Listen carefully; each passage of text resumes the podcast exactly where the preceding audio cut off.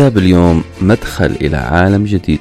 تكتشف فيه ذاتك تجمل فيه أفكارك وتسوق فيه كل منتج يمر تحت يدك. كم مرة سمعت السؤال الاستخفافي أنت مين عشان تتكلم في الموضوع؟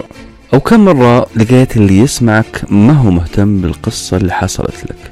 الكتاب منطلق من مبدأ أنه كل إنسان كل إنسان عنده تجربة تستحق بل يجب على الجميع سماعها. أنت عندك مجموعة تجارب بلا شك حتضيف للمجتمع الكثير. كل اللي ينقص قصتك أو تجربتك هي بدلة توكسيدو تظهرها بشكل لائق. أو كم لمسة مكياج تحول قصتك من سرد عادي إلى تحفة فنية تتناقلها الألسن. الأهم أنها قصة حقيقية صادقة. لذلك لا يغرك عنوان كتابنا. كل المسوقين كاذبون العنوان نفسه كاذب.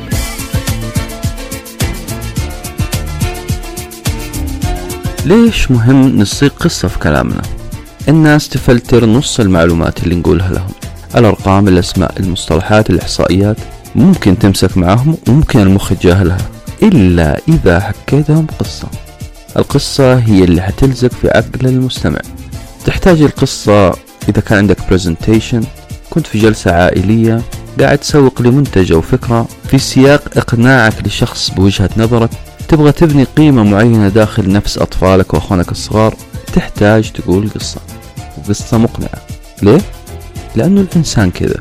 لما تروي قصة بكل بساطة حتتحول هذه القصة من شيء خيالي لواقع.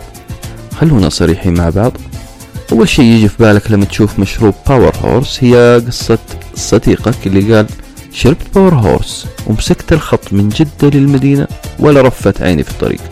أنا شخصيا كل ما واحد قال كلمة كاديلاك أتذكر قصة أحد زملائي وهو يشبه رحلته الطويلة بسيارته الكاديلاك كأنه في فندق خمس نجوم راحة ورساوة على الخط وهدوء. هذه كلها قصص تحولت إلى حقائق في راسي ال Power Horse قوة ونشاط الكاديلاك راحة وخمس نجوم. خمس مبادئ لازم تحطها في بالك قبل ما تبدأ عمل قصتك. أول شيء اكتشف وجهات نظر الناس والأطر. إيش يعني ذا الكلام؟ وجهات النظر والأطر هي القوانين القيم المعتقدات الدوافع اللي يحملها كل شخص بناء عليه على تجاربه القديمة. هذه المعتقدات والقيم هي اللي تخلي الناس ترضى وتسخط عن منتج أو فكرة. مثال أنا اشتريت سيارة من وكالة معينة قبل أربع سنوات. كنت متوقع منها خدمة وميزة معينة لكنها ما حققت تطلعاتي. حكون ساخط جدا على هذه السيارة وعلى الوكالة. بعكس زميلي اللي اشترى نفس السيارة نفس الموديل لكن توقعاته كانت مختلفة. فلما وافقت هذه السيارة توقعاته أصبح راضي تماما عن السيارة. فكيف صرت أنا ساخط وهو راضي عن السيارة رغم أن المعطيات نفسها توقعاتنا وتطلعاتنا كانت مختلفة؟ باختصار لما تيجي تحكي قصة شوف مين اللي حتحكي له القصة؟ ما هي المعتقدات والقيم والقوانين والدوافع اللي يحملها ذلك الشخص؟ هل تسيطر على هذا المجتمع فلسفة ميتافيزيقية روحانية؟ إذا نعم استشعر الميتافيزيقيا والروحانية في قصتك. هل تسيطر على الشخص فلسفة مادية؟ إذا خلي قصتك أشبه بتجربة علمية. إيش هي القيمة اللي تحرك الناس؟ القوة؟ أضف قيمة القوة وحدة التنافس للقصة. آه لا الرحمة. إذا اجعل من قصتك الواقعية نموذجا للتعاطف والشفقة. أنت هنا ما حتبني قيم. أنت بالأصح توظف قيم موجودة عند الناس التوظيف الصحيح. المبدأ الثاني الناس يلاحظون فقط الأشياء الجديدة والمميزة. الكاتب يقول يجب أن تكون أقل عقلانية. أفضل المسوقين فنانين وليسوا علماء. فنان يعني أكتشف إيش الجديد في القصة.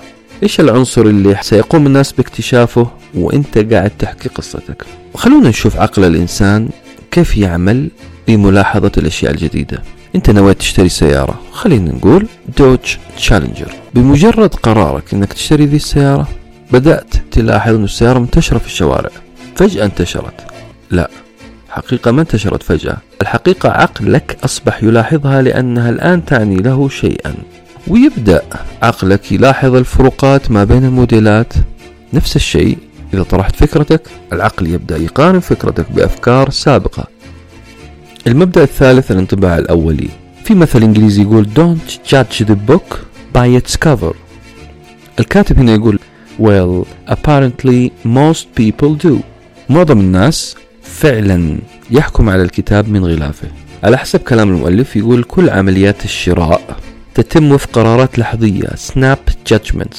هذه القرارات حتكون أشبه بالدين. حنحاول بقدر الإمكان الدفاع عنه. يعني إذا بغيت أشتري شيء حشوف الانطباع الأولي عن هذه البضاعة. إذا كان الانطباع جيد هعمل قرار بالشراء وأدافع عن قراري هذا بكل قوتي.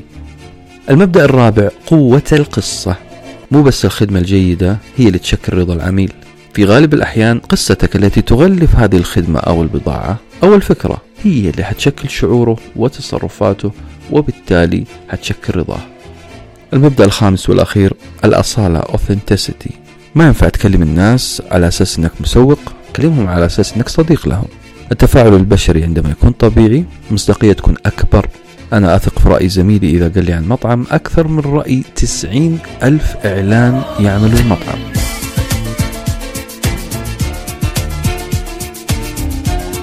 نيجي لأهم خطوة في هذا الموضوع وهي كيفية حبكة القصة. هنا الكتاب ما ذكر بالتفصيل هذه النقاط لكننا جمعناها من أكثر من مصدر. القصة ما هي محتوى فقط القصة هي كيف تدير هذا المحتوى كيف ترتبه. في عمود فقري لأي قصة هو عبارة عن عرض السياق بداية المشكلة تصاعد الأحداث ذروة الأحداث هدوء العاصفة فك العقدة. هنذكر كل فقرة مع قصة حقيقية لواحد اسمها ميشيل. الفقرة رقم واحد اعرض السياق اللي هو المكان والزمان والأشخاص في القصة. القصة تقول ميشيل تعمل في مكتب للاستشارات الهندسية خمسة أيام في الأسبوع. هي قاعدة الآن في المكتب وانتهت للتو من عمل مهم. استراحت شوية تقرأ جريدتها كالعادة خاصة صفحة الأبراج. ولحظها الجميل كان برجها سعيد جدا ويقول لها يومك يوم جميل. الفقرة رقم اثنين اذكر بداية المشكلة في القصة. ميشيل وصلتها رسالة من البنك تقول إنه في مبلغ من المال انسحب من بطاقتها الائتمانية. لما اتصلت بالبنك ظهر إنه في واحد استولى على رقم البطاقة وبدأ يشتري بها. بسرعة لغت البطاقة عبر الهاتف المصرفي لكنها هزت راسها تنفي إنه هذا الخبر حيأثر عليها. الأبراج تقول أنا يومي جميل. الفقرة الثالثة تصاعد الأحداث. بعد ما خلصت مجموعة من الأوراق الروتينية في العمل معقدة هذه الأوراق شوية. وقبل نهاية الدوام بساعة قامت ميشيل من مكتبها عشان تجهز لها كوب قهوة. وكمان عشان تنسى موضوع البطاقة وضجيج الأوراق الإلكترونية. لكن لسوء الحظ علق طرف معطفها في الدرج وانقطع من الخلف. الآن هي ما تقدر تخرج من المكتب عشان كذا اتصلت بزميلتها جيب لها معطف ثاني. الفقرة الرابعة ذروة الأحداث والمشاكل. تأخرت زميلة ميشيل وملت ميشيل من الانتظار.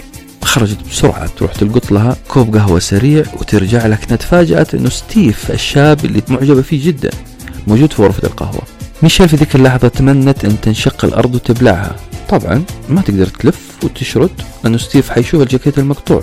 في نفس الوقت ما هي قادرة تتحكم في تعابير وجهها وتتكلم براحتها مع ستيف لأنها مرتبكة جدا. نكد عليها زيادة نظرات ستيف المتعجبة. الفقرة الخامسة هدوء العاصفة قليلا.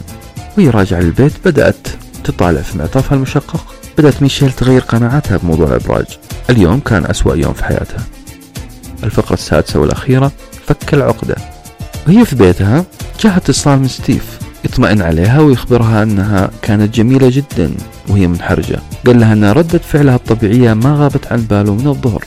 استمرت المحادثة نصف ساعة. أيقنت بعدها ميشيل أن الأبراج لا تخطئ. نلخص الكلام ذا كله في دقيقة. صيد قصة وتجربة مهمة في حياتك. اكتشف وجهة نظر الناس. اكتشف إيش المميز في قصتك. اعط انطباع قوي جدا.